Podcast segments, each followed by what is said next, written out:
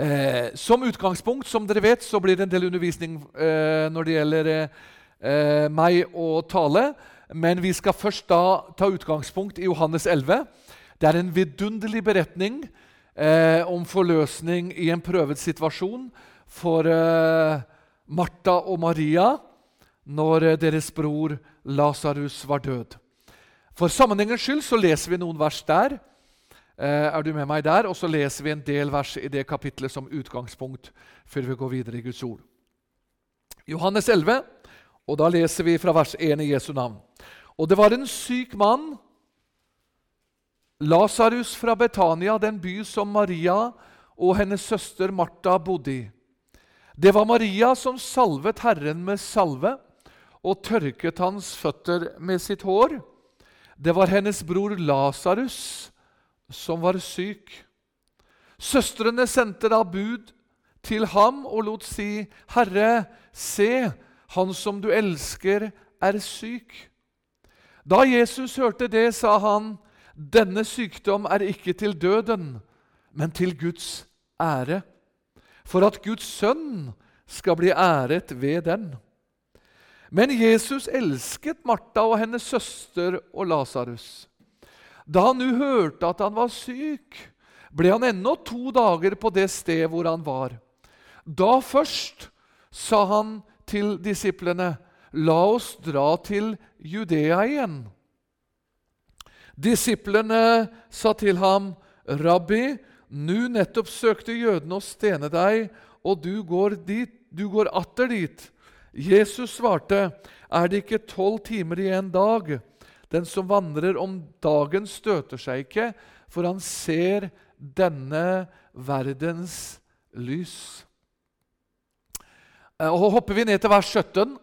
Da når Jesus kom, fant han at han allerede hadde ligget fire dager i graven. Men Betania lå nær ved Jerusalem, omkring 15 stadier derfra. Og mange av jødene var kommet til Martha og Maria for å trøste dem i sorgen over deres bror. Da når Martha fikk høre at Jesus kom, gikk hun ham i møte, men Maria satt hjemme i huset. Martha sa da til Jesus, 'Herre, hadde du vært her, da var min bror ikke død.' Men også nå vet jeg at alt det du beder Gud om, vil Gud gi deg. Jesus sier til henne, 'Din bror skal oppstå.' Martha sier til ham, 'Jeg vet han skal oppstå i oppstandelsen på den ytterste dag.' Jesus sa til henne, 'Jeg er oppstandelsen og livet.' 'Den som tror på meg, om han enn dør, skal han dog leve.' 'Og hver den som lever og tror på meg, skal aldri i evighet dø.' Tror du dette? Hun sier til ham, 'Ja, Herre, jeg tror at du er Messias, Guds, Guds sønn, han som skal komme til verden.' Og Da hun hadde sagt dette, gikk hun bort og kalte i stillhet på sin søster Maria og sa, 'Mesteren er her og kaller på deg.' Så går vi til vers 32. Da når Maria kom dit hvor Jesus var, og så ham, falt hun ned for hans føtter og sa til ham, 'Herre, hadde du vært her, da var min bror ikke død.' Da når Jesus så henne gråte, og så de jøder gråte som var kommet med henne, ble han opprørt i sin ånd og rystet og sa, 'Hvor har dere lagt ham?' De sa til ham, 'Herre, kom og se.' Jesus gråt. Og så leser vi vers 40 eh, til slutt i denne anledning. Eh, Jesus sier til henne, 'Sa jeg deg ikke at dersom du tror, skal du se Guds herlighet?' Halleluja.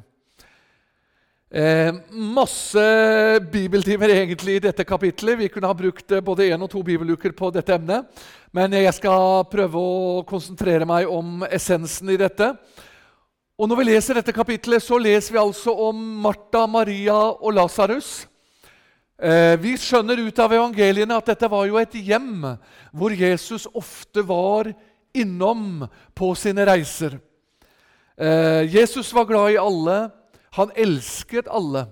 Men han var spesielt glad i Martha, Maria og Lasarus. Men så skjedde det som skjer for mange, at de fikk en prøvetid. Lasarus blei syk. Og Sånn kan det være også med oss. Vi kan bli syk. Vi kan møte prøvelser og motgang på andre områder. Vi kan oppleve å bli sønderknust, nedbøyet i ånden, bli såret på andre livsens områder på denne himmelveien også. Det hører med. Og sånn var det også med Martha og Maria. Og når Jesus var budskap, for budskapet, eh, så gjør ikke han som vi ofte ville ha gjort. Eh, det hender når jeg leser Bibelen og leser eh, eh, Bibelen, som jeg jo ofte gjør, så hender det jeg sier til Jesus Du er litt underlig, Jesus. Du er litt snål nå. Hvorfor gjør du sånn? Hvorfor gjør du ikke sånn? Og hvis du la merke til hva som skjedde Det står at han får budskapet om at Lasarus var død. Og Hadde det vært meg og Erlend eller meg og Willy eller noen andre som da får høre det budskapet og, og, vil at folk skal komme, ja, så kommer vi da og ber for de, eller hjelper de, eller samtaler med, med de. Og det er jo naturlig. Men Jesus gjorde ikke det. Nei, Det står at han ventet ennå noen dager på stedet. Underlig? Uten å gå i dybden på det, så vil jeg si Jesus ventet litt. Men da blei underet enda større. Ja, kanskje du undrer deg på at Jesus venter i din situasjon, uansett hvordan din prøvelser og motgang er. Kanskje han venter litt for at underet skal bli enda større. Er du med? Ja. Da ventet han ennå noen dager, og når en par-tre dager var gått, så går han med disippelflokken.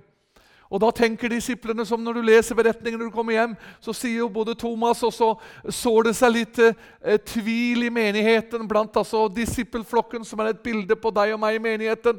Så sår det seg tvil, og så sier Thomas ja, nå går vi med Jesus. For nå, nå er jo Lasarus i hvert fall død nå, så nå er vi med han bare her i sorgen. Og så sprer motløsheten seg og sorgen seg. Det kan også gjøre for deg og meg. Men Jesus hadde et hovedbudskap til Martha og Maria som han har til oss i en sånn prøvestund. Dersom du tror, skal du se Guds herlighet. Halleluja. Ikke dersom du forstår. Ikke dersom vi får det til, men dersom vi tror, så skal vi få lov å se Guds herlighet. Og så kom Jesus. Eh, og så er det mye vi kunne ha sansa ved, men jeg skal bare hente ut eh, noen få ting. Så kommer Martha. Og så sier hun en ting som ofte jeg og du sier. Ikke sant? I forskjellige situasjoner når vi opplever det slik, så sier hun Hadde du vært her, da var min bror ikke død. Kjenner du deg igjen? Jeg kjenner meg i hvert fall igjen. Hun dveler liksom ved, ved, det som er vanskelig, ved det som er tungt. Og I en sånn situasjon så er det jo selvfølgelig vanskelig å ikke gjøre det, men hun liksom mista blikket på at her kommer jo underet gående. Og så tenker hun mer på døden og ø, sykdommen og elendigheten enn hun visste at her kommer jo Jesus, han som er underet. Og venner, Sånn har det lett for å spre seg når vi kommer i vanskelige situasjoner, om det er åndelig eller legemlig eller hva det er. Hadde du vært her, Jesus, så hadde dette ikke skjedd. Og så smitta det over på Maria også. Så gjentok hun det samme som vi leste. Når Jesus kom til henne, hadde du vært her. De mista liksom litt blikk og fokuset. Så oppmuntra Jesus dem. Dersom du tror, skal du se Guds herlighet. Det er ikke uåndelig, det er ikke unormalt å komme inn i denne motløsheten som Martha og Maria gjorde. Selv Timoteus gjorde det. Når Paulus sier til ham Gud ga oss ikke motløshetens ånd, men kraft, kjærlighet og sindighetens ånd. Og så måtte til og med Timoteus og mange andre store gudstjenere eh, på Bibelens tid og i vår tid, kvinner og menn, som har vært i motløshet, i kamp, i prøvelser, så ble de opptent igjen, og så fikk de troen igjen. Og så fikk de lov å se Guds herlighet igjen. Halleluja. Hør, min venn, du som er sønderknust og nedbøyd i ånden, du som er i en prøvet situasjon, så skal du vite Jesus fra Nasaret er her. Nettopp i dag, nettopp at du lytter til budskapet, er for at du skal få en oppmuntring. Han er i stormen. Han er i bølgene. Han er i din situasjon. Så dersom du holder ut, dersom du tror, så skal du se Guds herlighet. Halleluja. Før vi går videre, Vi skal komme tilbake igjen til den beretningen til slutt. Men vi skal gå inn i noen andre eh, bilder på disse tingene også. Men la meg ta med et sitat av David Wilkerson som han sier i, i en bok eh, som heter 'Gud har ikke glemt deg'. Og Kapittelet heter 'Når livet gir deg sår', og du er i motgang og vanskeligheter, så sier han, 'Hør, du kan føle deg forkastet.' Du kan føle deg til overs. Din tro kan være svak. Du synes at du er selv er nede for telling. Sorg, tårer, smerte og tomhet kan synes å oppsluke deg helt til visse tider. Men hør, Gud er fremdeles på tronen. Du er ikke i stand til å hjelpe deg selv. Du makter ikke å sette en stopper for smerten du har, og hindre at sårene som du har, de svir hos deg. Men, sier han, din velsignede Herre kommer til deg. Han skal ta deg i sine kjærlige armer. Han skal løfte deg opp. Han skal igjen la deg få hvile ut på himmelske steder. Han skal åpenbare sin grenseløse kjærlighet til deg. Se oppad Hent din styrke hos ham når tåken tetner til omkring deg, og du kan ikke se noen utvei ut av din situasjon. Da skal du lene deg tilbake, sitte i Jesu armer, i enkel tro og vente på ham. Halleluja. Var ikke det et nydelig sitat? Håper at du tar det til deg som Martha og Maria gjorde, tross av alt at de var i en håpløs situasjon. De kjente at eh, frustrasjon tok dem. De kjente kanskje på sinne. De kjente på mange ting. Har du kjent på det? Mange av oss har kjent på det i sånne vanskelige situasjoner. Men så fikk de lov, og likevel så kalte de på Jesus, for de visste her kommer Han som er løsningen. Her kommer Han som kan løse oss ute. Halleluja! Om det var noen dager og stunder som var kjempetøffe, så ble det en herlig situasjon til slutt for Martha og Maria. Det skal vi ta med etterpå. Men vi skal ta med noen eh, eh bilder på ting som kan være eh, vanskelig, og ting som kan være tøft for oss. Første Samuels bok, kapittel 22. Eh, kan du slå opp med meg? Eh, og Jeg skal også sitere fra Første Samuels bok, kapittel 30. Jeg skal ta med noen bilder først på prøvelser og motgang, så du får se at selv de store bibelske personligheter opplevde store prøvelser, stor motgang. De var nedbøyet, de var sønderknust. Men det var en plattform som Gud brukte til at de skulle få lov å være redskaper for Herren i framtiden. 1. Samuel 22, vers 1 og 2. Hør hva det står. 1. Samuels bok, kapittel 22, vers 1 og 2. Så drog David bort derifra. Han flyktet til hulen ved Adullam. Og da hans brødre og hele hans fars hus fikk høre det, drog de ned til ham og alle som var i nød, eller som var trykket av gjeld, eller som var misfornøyde, samlet seg om ham. Og han ble deres høvding. Det var omkring 400 mann som var med ham. Og vers 4.: Han førte dem frem for Moabs konge, og de ble hos ham hele den tid David var i fjellborgen. Denne fjellborgen, denne klippegrunn som David skjulte seg i, det er et bilde på Kristus. I denne klippen, i denne hulen Nå var David på flukt fra sin svigerfar Saul, som var ute etter å drepe ham. Men da ble alle de som var trykket av gjeld, som var misfornøyde, som hadde prøvelser, de samla seg om David. Eh, første Samuels kapittel 30. Her er også David opplever I dette kapitlet kan du lese mer når du kommer hjem. Eh, I begynnelsen av dette kapitlet så er det fienden som er et bilde på djevelen. Eh, det kan være bilder på motgang, prøvelser. Så mista David alt han hadde. Han kom i sterk gråt, og han gråt til han lenger ikke var i stand til å gråte. Og så tok han med hæren sin ut. Men så var det noen som ikke orka å være med i striden. Og så står det eh, i kapittel 9 eller kapittel 30, vers 9. Første Samuels bok, kapittel 30, vers 9, så står det Så drog David av sted med de 600 mann som fulgte ham, og de kom til Besorbekken. Der ble en del av dem igjen.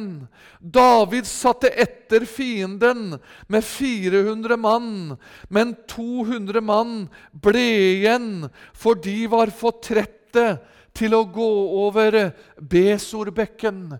Hør, min venn, her er det et åndelig bilde også. Kanskje du er i denne situasjonen som Martha Maria var, og som flere av menigheten til David var. De var for trette til å være med fremst i striden. De var i en situasjon hvor de orket ikke lenger å være med. For de var i en prøvesituasjon. Vanskeligheter, kanskje. De var nedbøyd, de var trette, de var aldrende. Men hør! De hvilte ved bekken Kristus. Halleluja! Du kan få lov å hvile hos Jesus. Og så kommer Guds herlighet, og så får du del i Herrens velsignelser likevel. Halleluja! Og så ble det til seier også i dette kapitlet. Hør, min venn, føler du at du er for trett? Du har mange prøvelser i livet ditt. Du orker ikke å være med som du gjorde før. Bare hvil ved Kesorbekken hos Jesus, og så får du lov å ta del i velsignelsene likevel. Halleluja. Takk og lov. Andre kongebok, kapittel fire, eh, skal vi slå opp. Andre kongebok, kapittel fire.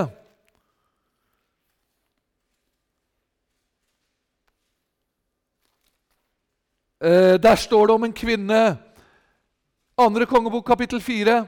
Vi skal bare lese de to første versene.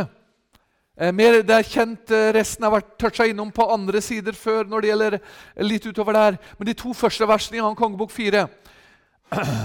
En kvinne som var hustru til en av profetenes disipler, ropte til Elisa og sa:" Din tjener, min mann, er død, og du vet at din tjener fryktet Herren. Og nå kommer en som, ihjel, som han sto i gjeld til, og vil ta begge mine sønner til treler. Jeg skal ikke lese mer det der, men når du kommer hjem, så kan du lese mer av kapitlet. Men her var det en som var enke etter en av profetenes disipler. Nå var hun kommet inn i en vanskelig situasjon. Hun var i ferd med å miste hus og hjem. Hun hadde snart ikke noe mer å leve for. Men så kom Herren gjennom profeten. Og så fikk hun oppleve velsignelser. Hør, min venn, men hva var hemmeligheten? Hun satte frem sine tomme kar. Hun erkjente slik det var, akkurat som Martha og Maria. 'Jesus, nå må du komme og hjelpe oss.' Nå er det prøvelser her, nå er det vanskeligheter her, nå er det død her, nå er det tomme krukker her. Da kom han med olje, og så fylte han på de tomme kar. Og så ble det liv igjen, og så fikk hun betalt gjelda si. Og så ble det seier for Guds sak. Halleluja. Dersom du tror, så skal du se Guds herlighet. Og du kan lese mye om David også. Når han eh, er i prøvelser Du bør ikke slå opp de salmene nå, men i Salme 139 så er sammen med Salme 52 så er David i så sterke prøvelser så han eh, lurer på om han er på fortapelsens vei. Han hadde vært i prøvelser. I dette tilfellet så hadde han også falt i stor synd. Eh, med Batseba, som vi kjenner til. Denne mannen som var etter Guds hjerte. Nå følte han at alt håp var ute. Og så ropte han, 'Gud, ta ikke Din Hellige Ånd ifra meg.' 'Rens meg, Gud, som du renser med isopp.' Og fordi han hadde et ydmykt hjerte, så tilga Gud ham. Og så satte han ham inn i tjenesten igjen, og så fikk han oppleve Og da sier han bl.a.: da gikk han fra mørket til lyset. Og så sier han f.eks. da i Salme 23.: Herren er min hyrde, meg fattes intet, osv., osv. Du dekker bord for meg, like for fiendens øyne. Også i Davids liv så var det som i Martha Marias liv. Han var ikke bare på fjellet, han var ikke bare på høydene, han var ikke bare på Forklarelsens berg.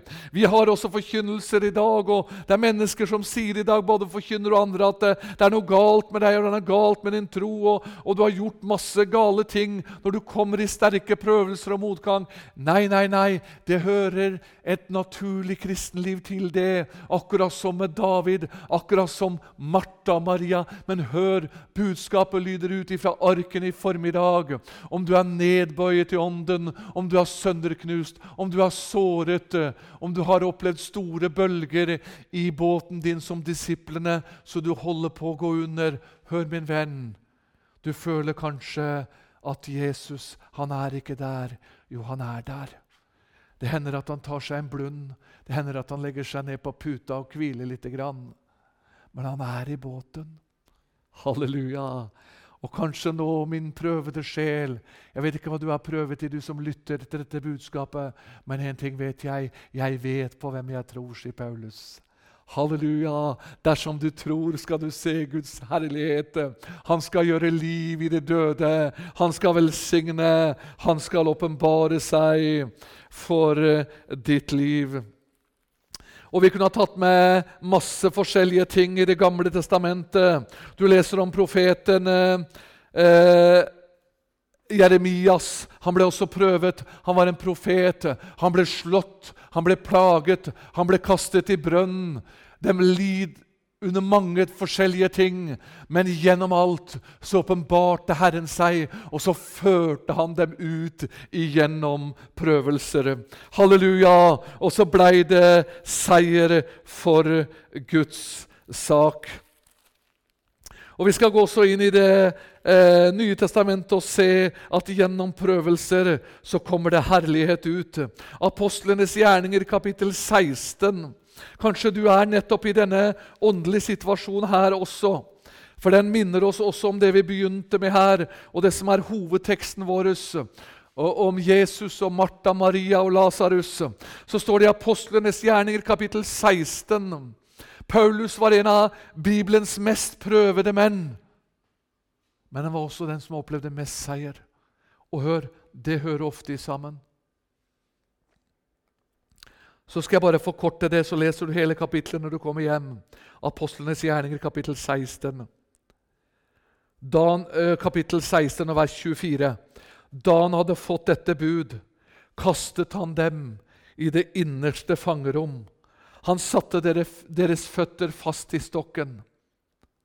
Og da skal du tenke deg, da kan du tenke Her var det altså ikke som nåtiden, hvor alt var herlighet og glede. Men her satte de altså i fengselet. Da satte de bare i en mørk hule. Alt var mørkt, alt var svart. De satte fast armer og ben. Og Paulus og Silas kunne bare tenke at nå går vi inn bare i motløshet og mørke og elendighet. Men Jesus var med i mørket. Halleluja! For de festet sitt blikk på ham, og så står det Men ved midnattstid, står det i vers 25, holdt Paulus og Silas bønn. De sang lovsanger til Gud, og fangene hørte på dem. Da kom det et med et sterkt jordskjelv, så fengselets grunnvoller rystet. Straks sprang alle dører opp, og alle lenker, de løstes. Halleluja! Det er ikke alle prøvelser vi forstår, og det gjorde nok ikke Paulus og Silas heller.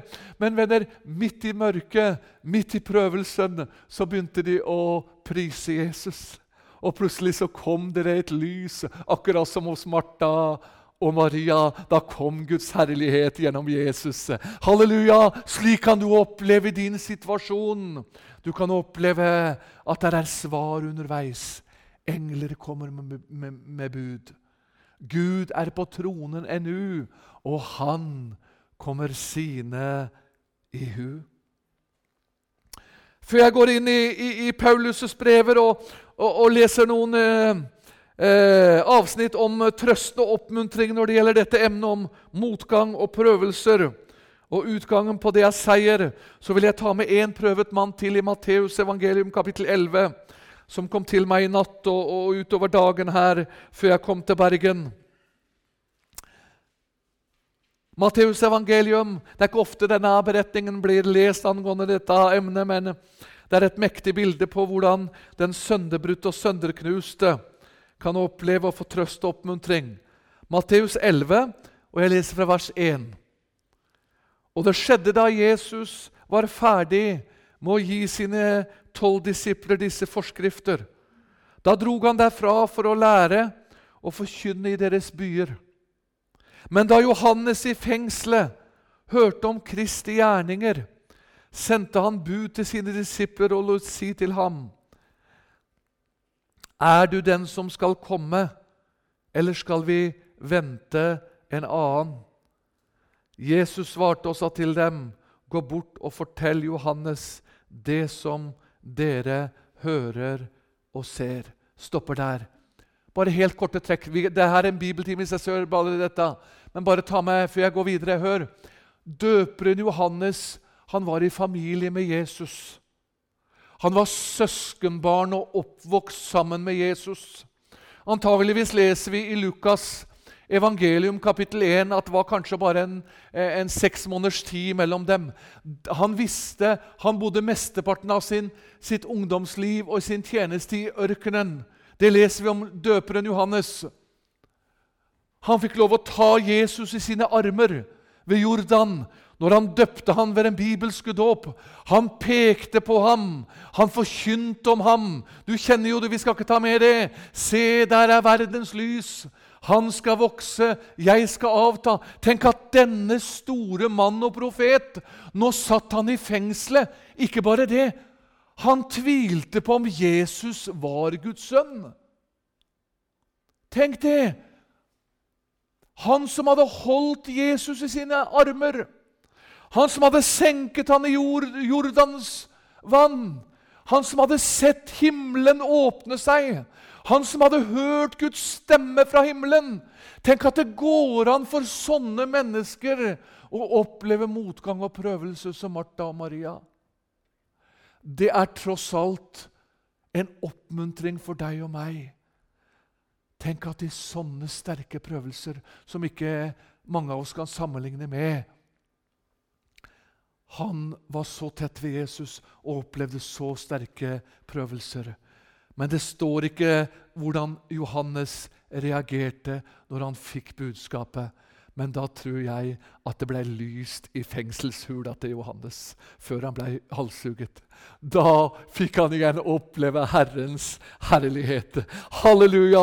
Han var i det dypeste dynn, men så kom Guds herlighet igjen. Halleluja! Gjennom prøvelsene, gjennom motgangen, gjennom alt det, så fikk han budskapet. Jo, den Jesus som du har bekjent deg til, Johannes, det er Guds jomfrufødte sønn. Det holder igjennom brenninger, det holder igjennom prøvelser. Denne Jesus, han er med deg, og dersom du tror, så skal du få se Guds herlighet. Halleluja.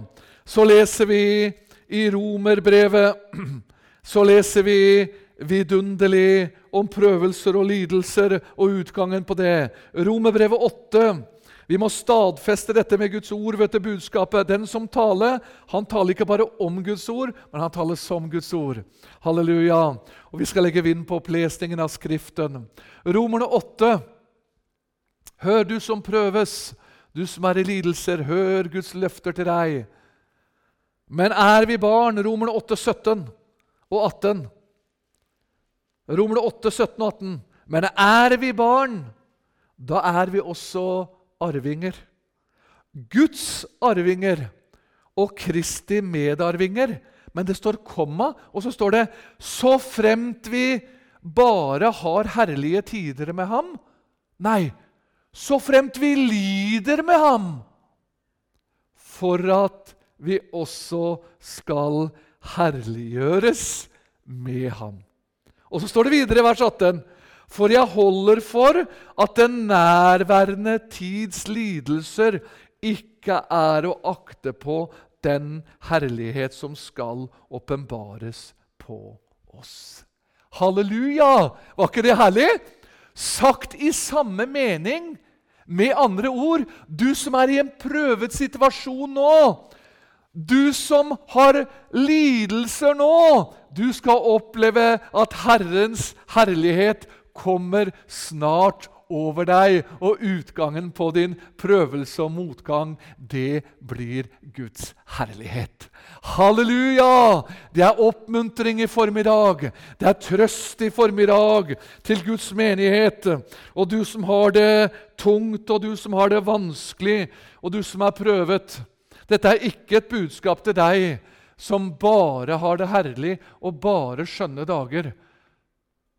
Men det tror jeg få frelste har. Da tror jeg det uger litt, faktisk. Ja, For i et naturlig kristenliv, der er det prøvelser. Der er det motgang. Hør hva Paulus sier i 2. Korinterbrev, kapittel 6. Dette er til oppmuntring og trøst for oss. 2. Korinterbrev, kapittel 6. Noter gjerne disse kapitlene ned. Sett streker ved det bredt i Bibelen din. Ha dette som oppmuntring og trøst når du får det vanskelig. 2. Korinterbrev, kapittel 6, eh, fra vers 4. Men vi viser oss i alt som Guds tjenere. Altså Her er det hva en Guds tjener som deg og meg kan oppleve. Vi viser oss ved stor tålmodighet i trengsler, i nød, i angst, under slag, i fengsler, i opprør, i strengt arbeid, i nattevåk, i faste. Hopper vi til vers 8. Som forførere og dog sandrue, som ukjente og velkjente som de som dør og ser vi lever, som de som refses og dog ikke ihjelslås. Vers 10.: Som bedrøvede, men alltid glade. Går det an å være bedrøvet og glad på samme måte? Ja, utvendig så er du en situasjon fysisk som er bedrøvede, men i ditt hjerte så er du glad fordi at Herren er din styrke.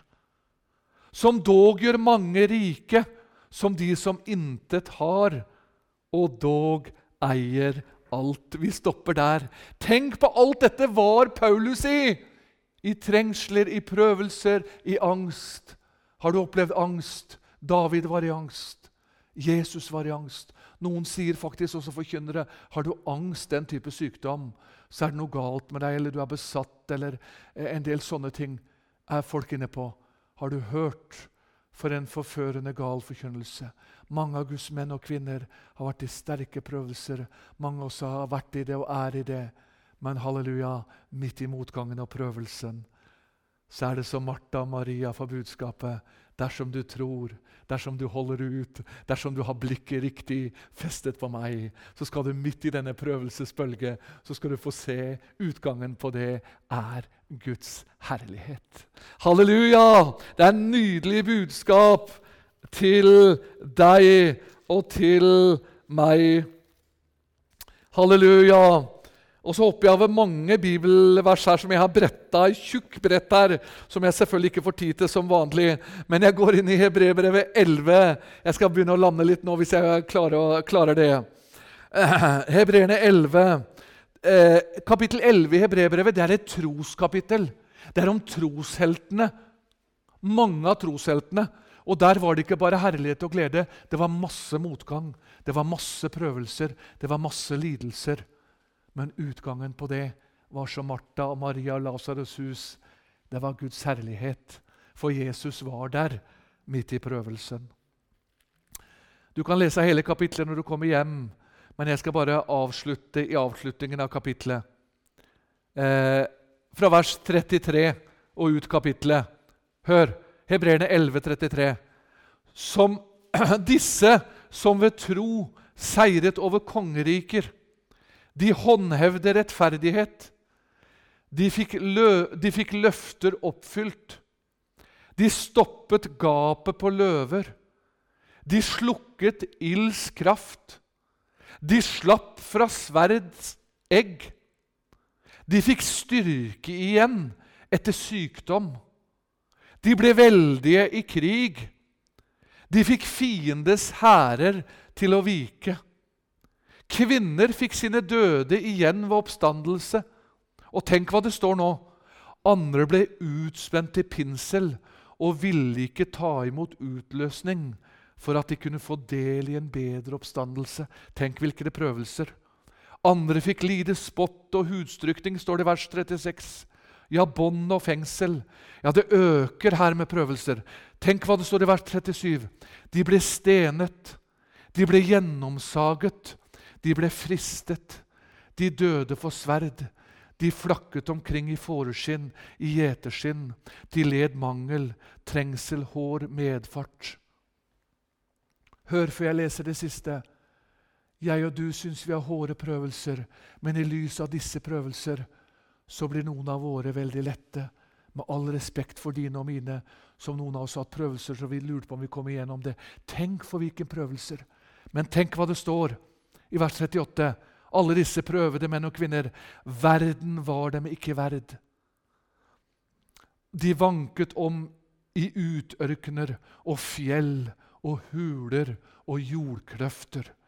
Og enda alle disse fikk vitnesbyrd for sin tro, oppnådde de ikke det som var lovt, fordi Gud hadde utsett noe bedre for oss, så de ikke skulle nå fullhendelsen uten oss. Og hva var løsningen for de? Jo, det er som det er for oss. Det kan du lese mer om i neste kapittel når du kommer hjem, for det har ikke tid til å lese. I det vi ser på troens opphavsmann og fullender Jesus Kristus, Gud jomfrufødte sønn. Halleluja! Det her er dynamitt, altså. Det her er salige salutter.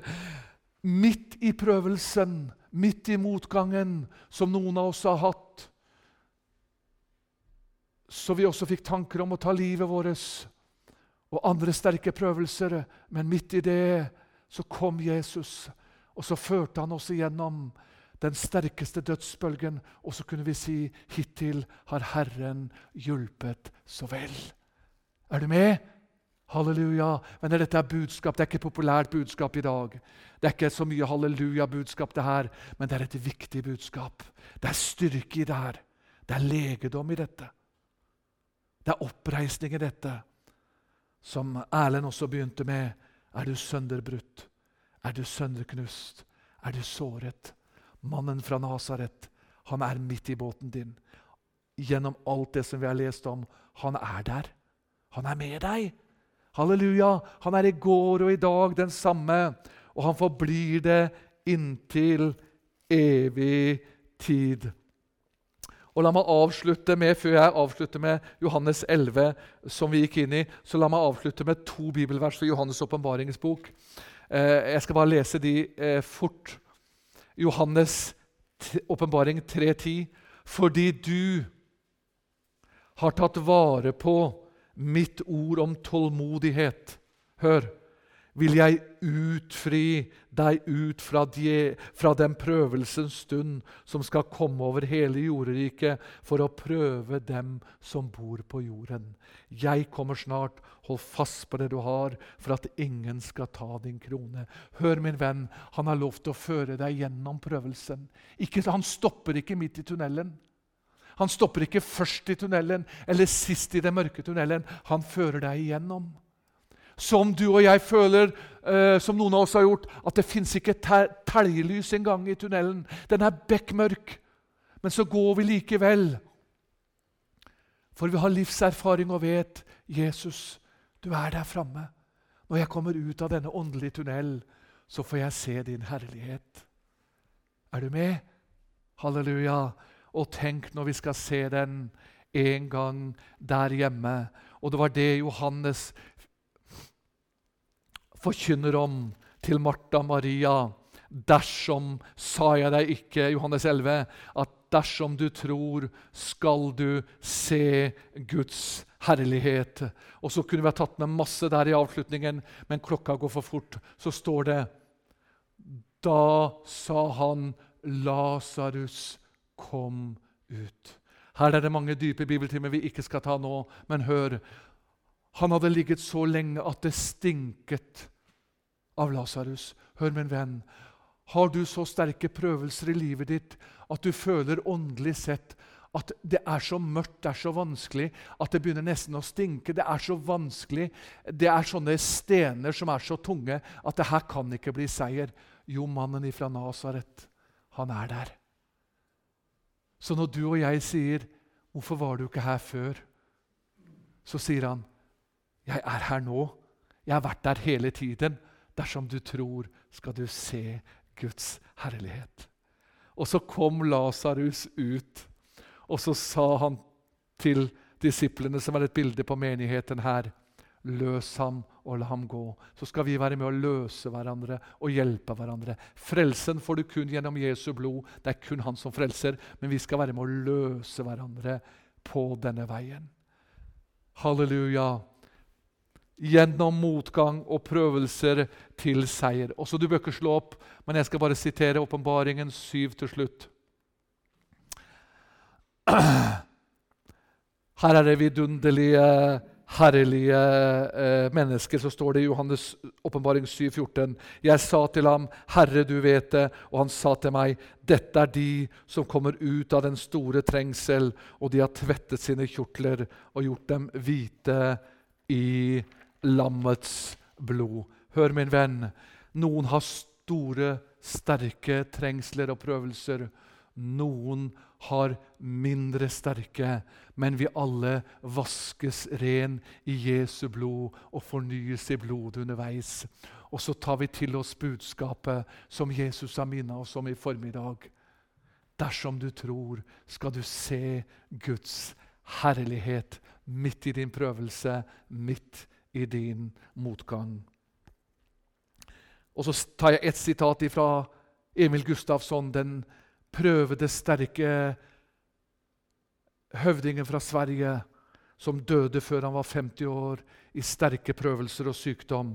Så sier han hør, Jeg har masse sitater her i margen på Bibelen min. Så sier han om motgang og prøvelser. Så sier han de fleste Guds menn og kvinner har hatt sin skole i den åndelige ørkenen. De går gjennom den åndelige ørkenen. Akkurat som sjøgutten ikke duger til å bli offiser, så kan heller ikke du, en uerfaren behandle dyrebare sjeler før man har lidd skipbrudd og vært i sterke prøvelser. Venner, om vi er i sterke prøvelser, så former han også en god del ganger deg i prøvelsen og motgang for den tjeneste som også ligger foran deg i Guds rike. Dersom du tror, skal du se Guds herlighet. Jesus er svaret. Vi holder fokus på ham, og så skal den evige jordiske prøvelse ende i at vi toger ut, og vi har palmegrener og sier, 'Herre, hva gjør det om solen har oss brent?' Nå er vi fremme. Halleluja, nå er vi hjemme snart. Hos Jesus. Herre, vi priser deg. Takker deg for at vi får være sammen med deg. Takker deg for at du gir oss oppmuntring og trøst, Jesus. Takk at du kjenner forsamlingen, den som lytter. Herre, du vet hver, hva hver enkelt har. Herre Jesus, du vet om de er store eller om de er mindre store. Herre, en prøvelse i seg sjøl kan være vanskelig og tøft, men du er i tunnelen, du er i prøvelsen, og du er hos de sønderknuste, de nedbøyde. Og så er du der, og så sier du dersom du tror, skal du se Guds herlighet. Amen.